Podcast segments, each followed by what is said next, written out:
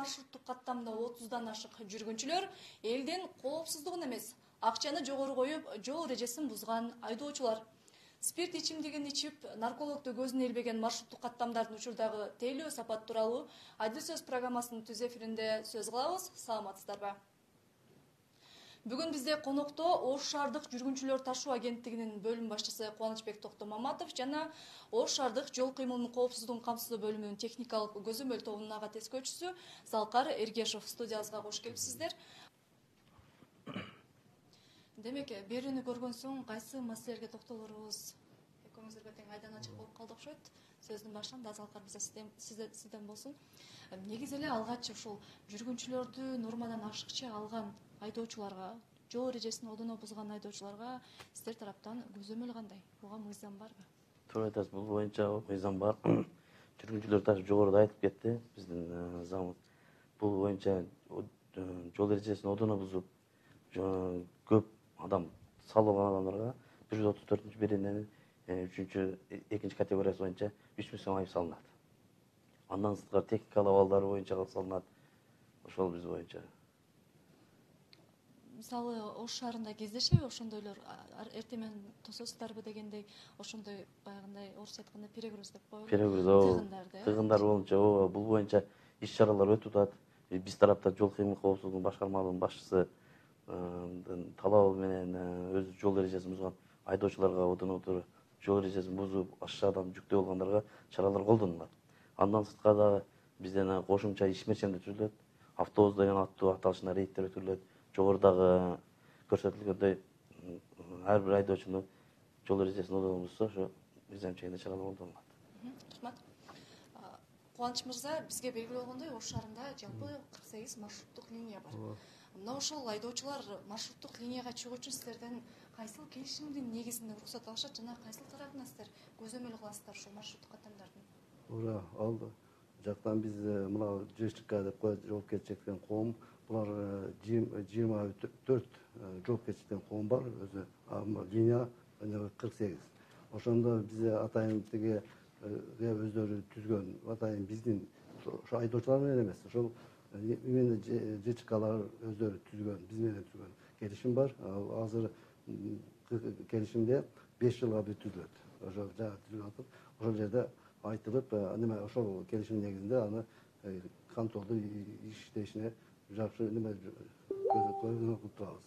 Ал эми булардын ар бир көзөмөл негизинде биздин э, адистер күнүгө күнүгө эмес эми неделесине эки жолу же бир жолу ошо рейдтер кылып ошол линияда текшерип ар дайым текшерип турушат. Ал эми күнүгө баягы договор келишимдин негизинде өздөрүнүн э, наркологдору өзүнүн э, жанакы механиктери өздөрү машинаны текшерип турушат дайым күндө кандай баары туурабы туура эмеспи жанагы алкоголь пайдаланды пайдаланбадыбы ошолорду дагы биздин неме специалисттер контролго алып көзөмөлдөп турушат.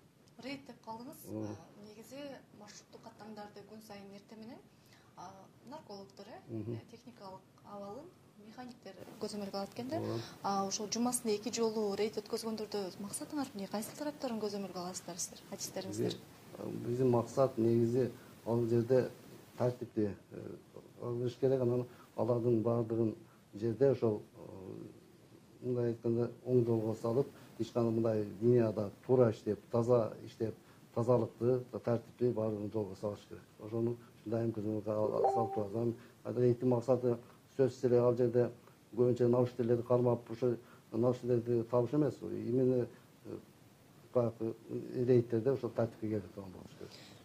Биз көрсөтүүдө күбө эле өкмөт чыгарган токтомдун негизинде нормага ылайык жүргүнчү маршрутка чыккандан кийин өзүнө айдоочудан билет алып өзүнүн орундугунан орун алыш керек экен да. Негизи тилекке каршы бул көрүнүш бизде жат мунун зарылчылыгы барбы? Эгер болбосо токтомдо жазылган бир нече стандарттарга өзгөрүүлөрдү киргизиш керекпи сиздин жеке оюңуз? Менин жеке оюм ошол бул бизде шаар мына шаардык маршруттарда маршруттарда атайын бизге э, зарылдыгы жок. Себеби ал жерге ар бир э, маршрутка адамдар чыгаары менен кайра э, түшүп турушат. Эми ал жерде булардын мындай деп да ойлошот баягы сидячий мына отурган немемен гана текшерип ошо отурган сидячий место немеси жүрсө анда булар актабай калат. Анан ошол неме бизде нөл эки квадрат нөл эки квадрат метр деп коет баягы.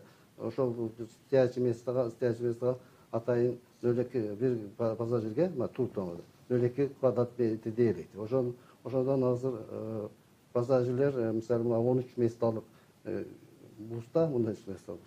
ошол эсептеп көрдүк примерно төрт метр узуну төрт метр коридор баягы и туурасы беш метр ошондо нөл беш метр.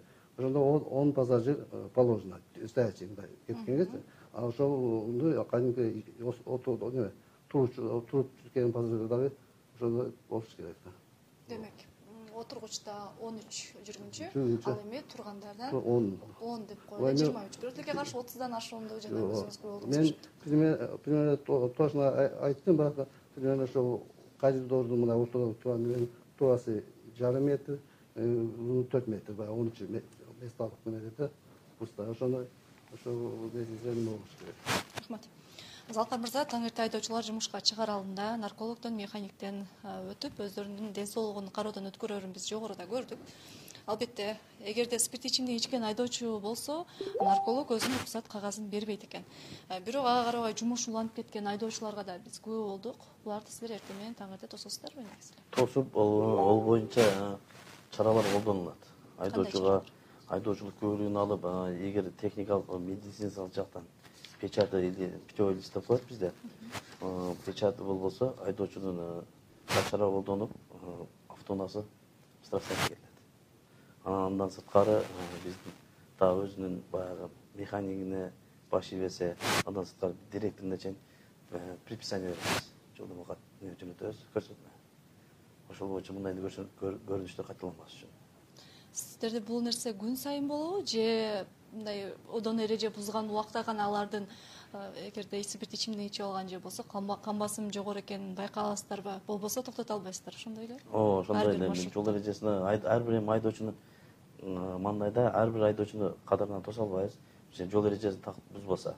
Эгер э, бизде атайын биз техника көзөмөл тобунун эки инспекторубуз бар бизде Э, биз э, бизде мындай выход деп коет график менен рейд автобус күндөрү чыгып ошо нарколог врач техникалык абалын текшерген механиктерине чейин текшеребиз. Эгер ушундай көрүнүштү азыр жогоруда көрсөтүлгөндөй көрүнүштөр болсо биз тараптан он миң сом штраф салынат олорго бир жүз жыйырма биринчи берененин алтынчы бөлүгү боюнча механикадан штраф салынат. Он миң сом юридический лицо болуп рахмат залкар мырза ушул эле суроого кошумча статистика боюнча да айтып өтсөңүз. Жыл башынан бери шаар ичинде жол кырсыгына кабылган маршруттук каттамдар боюнча алар жабыр тарткан эл боюнча канча катталды жыл башынан бери? Жыл башынан бери быйыл эки миң он тогуз он беш жолу жол кырсыгы катталды. Былтыр жыйырма беш жолу эле андан сырткары анан ар кандай жаракат менен быйыл жыйырма тогуз былтыр отуз эки ар кандай жаракат алып медициналык жардам көрсөтүлгөн. Бул рахмат.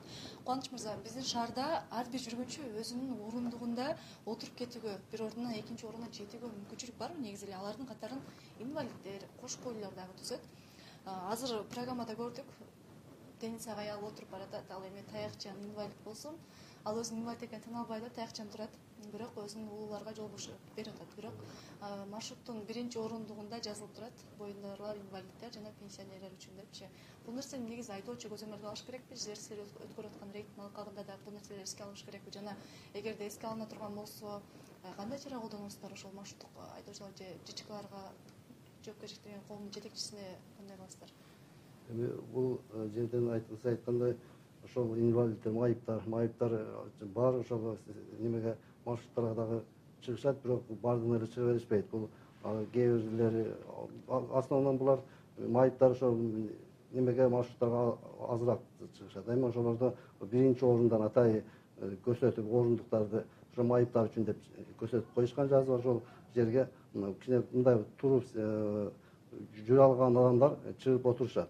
Ал эми кээ бир майыптар жана араба менен жүргөндөр э, ошол маршруттарга чыгышы кыйын. Ал э, эгер ал ошол айдоочулар эле келип ал жактан жардам берип түшүрбөсө анда кыйын ал эми автобустарда атайын майыптар алаба менен чыгып аткан жерге атайын немеси жүргөндө көпүрөлөр атайын көпүрөчө кылып ошол кылынган. Ал эми бизде жанагы ошо майыптар кээ бир сырык адамдар өздөрү путу туралган менен колду майып болушу мүмкүн башка майып болушу мүмкүн.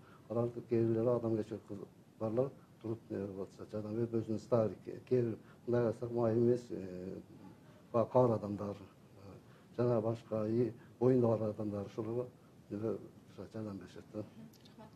Салкар мырза мен сиздин берген жообуңузга канааттанган жокмун. Себеби дегенде экинчи категориянын негизинде ошондой одону эреже бузгандарга жана ошондой эле ичинде жүргүнчүнү ашыкча алган айдоочуларга үч миң сом айып пул салынат деген бул ар бир айдоочуга салынабы же кандай учурда? Айдоочу унаасына нормадан ашыкча жүргүнчү алып унаанын эшигин ачса кулап түшө турган жагдайларды биз күн сайын көрүп атабыз да.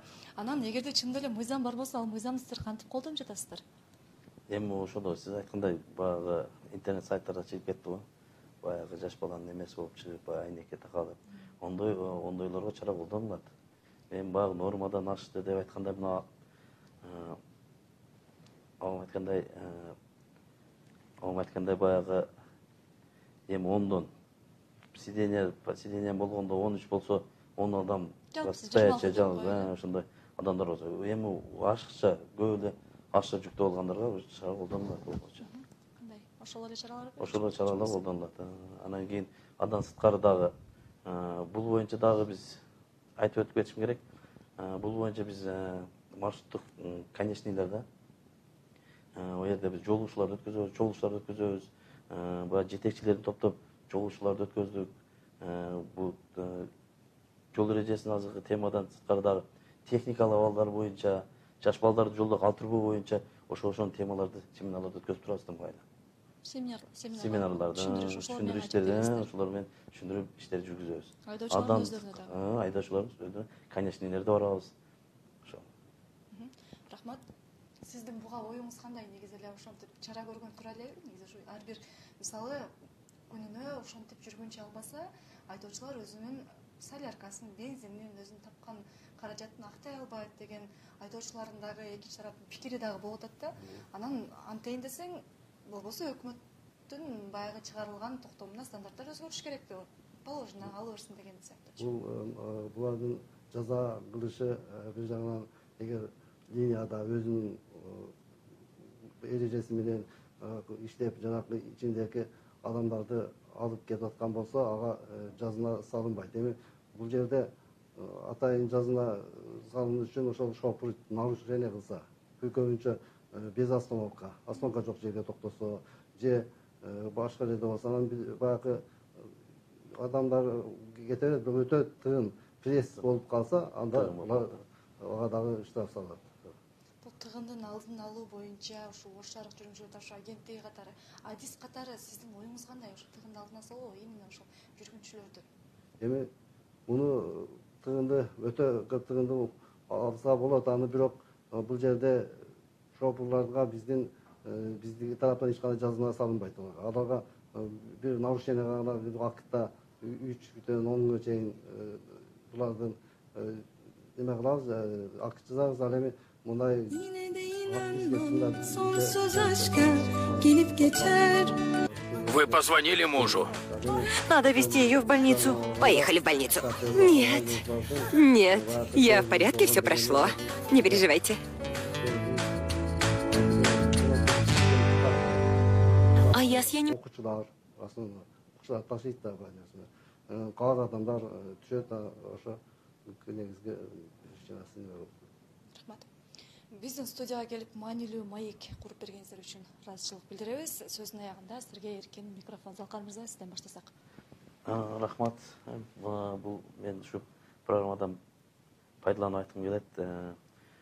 Айдоочуларга анан жөө жүргүнчүлөргө баягы өздөрүңүздөрдү эhtiyат кылып дегендей баягы эми маршрутканын ичинде тыгын болуп атса дагы кошумчалап өзүбүздүн жүргүнчүлөр ынтылып чыгып атпайбы?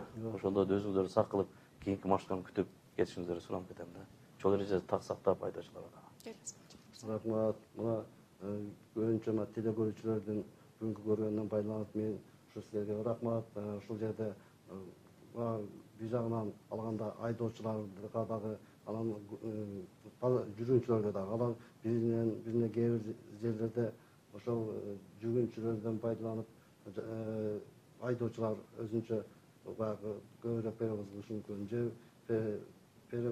айдоочулардын мындай десем остановкасы жок жерге токтош ошону мүмкүн ошон үчүн баарыңа рахмат ошол байланыш ошол өзүңө туура пикир чыгаргыла деп ойлоймун рахмат ар бир маршруттук каттамда жүргүнчүнүн коопсуздугу айдоочунун жоопкерчилиги астында экени талашсыз андыктан айдоочулар эреже бузаар алдында он сомдо эмес жүргүнчүнүн коопсуздугун биринчи кезекке эске алышса шаарыбызда мындай көйгөйлөр өз алдынча чечилери талашсыз. Адил сөз программасы мына ушуну менен. Аягына чыкты кайрадан эфир аркылуу көрүшкөнчө сак саламатта калыңыздар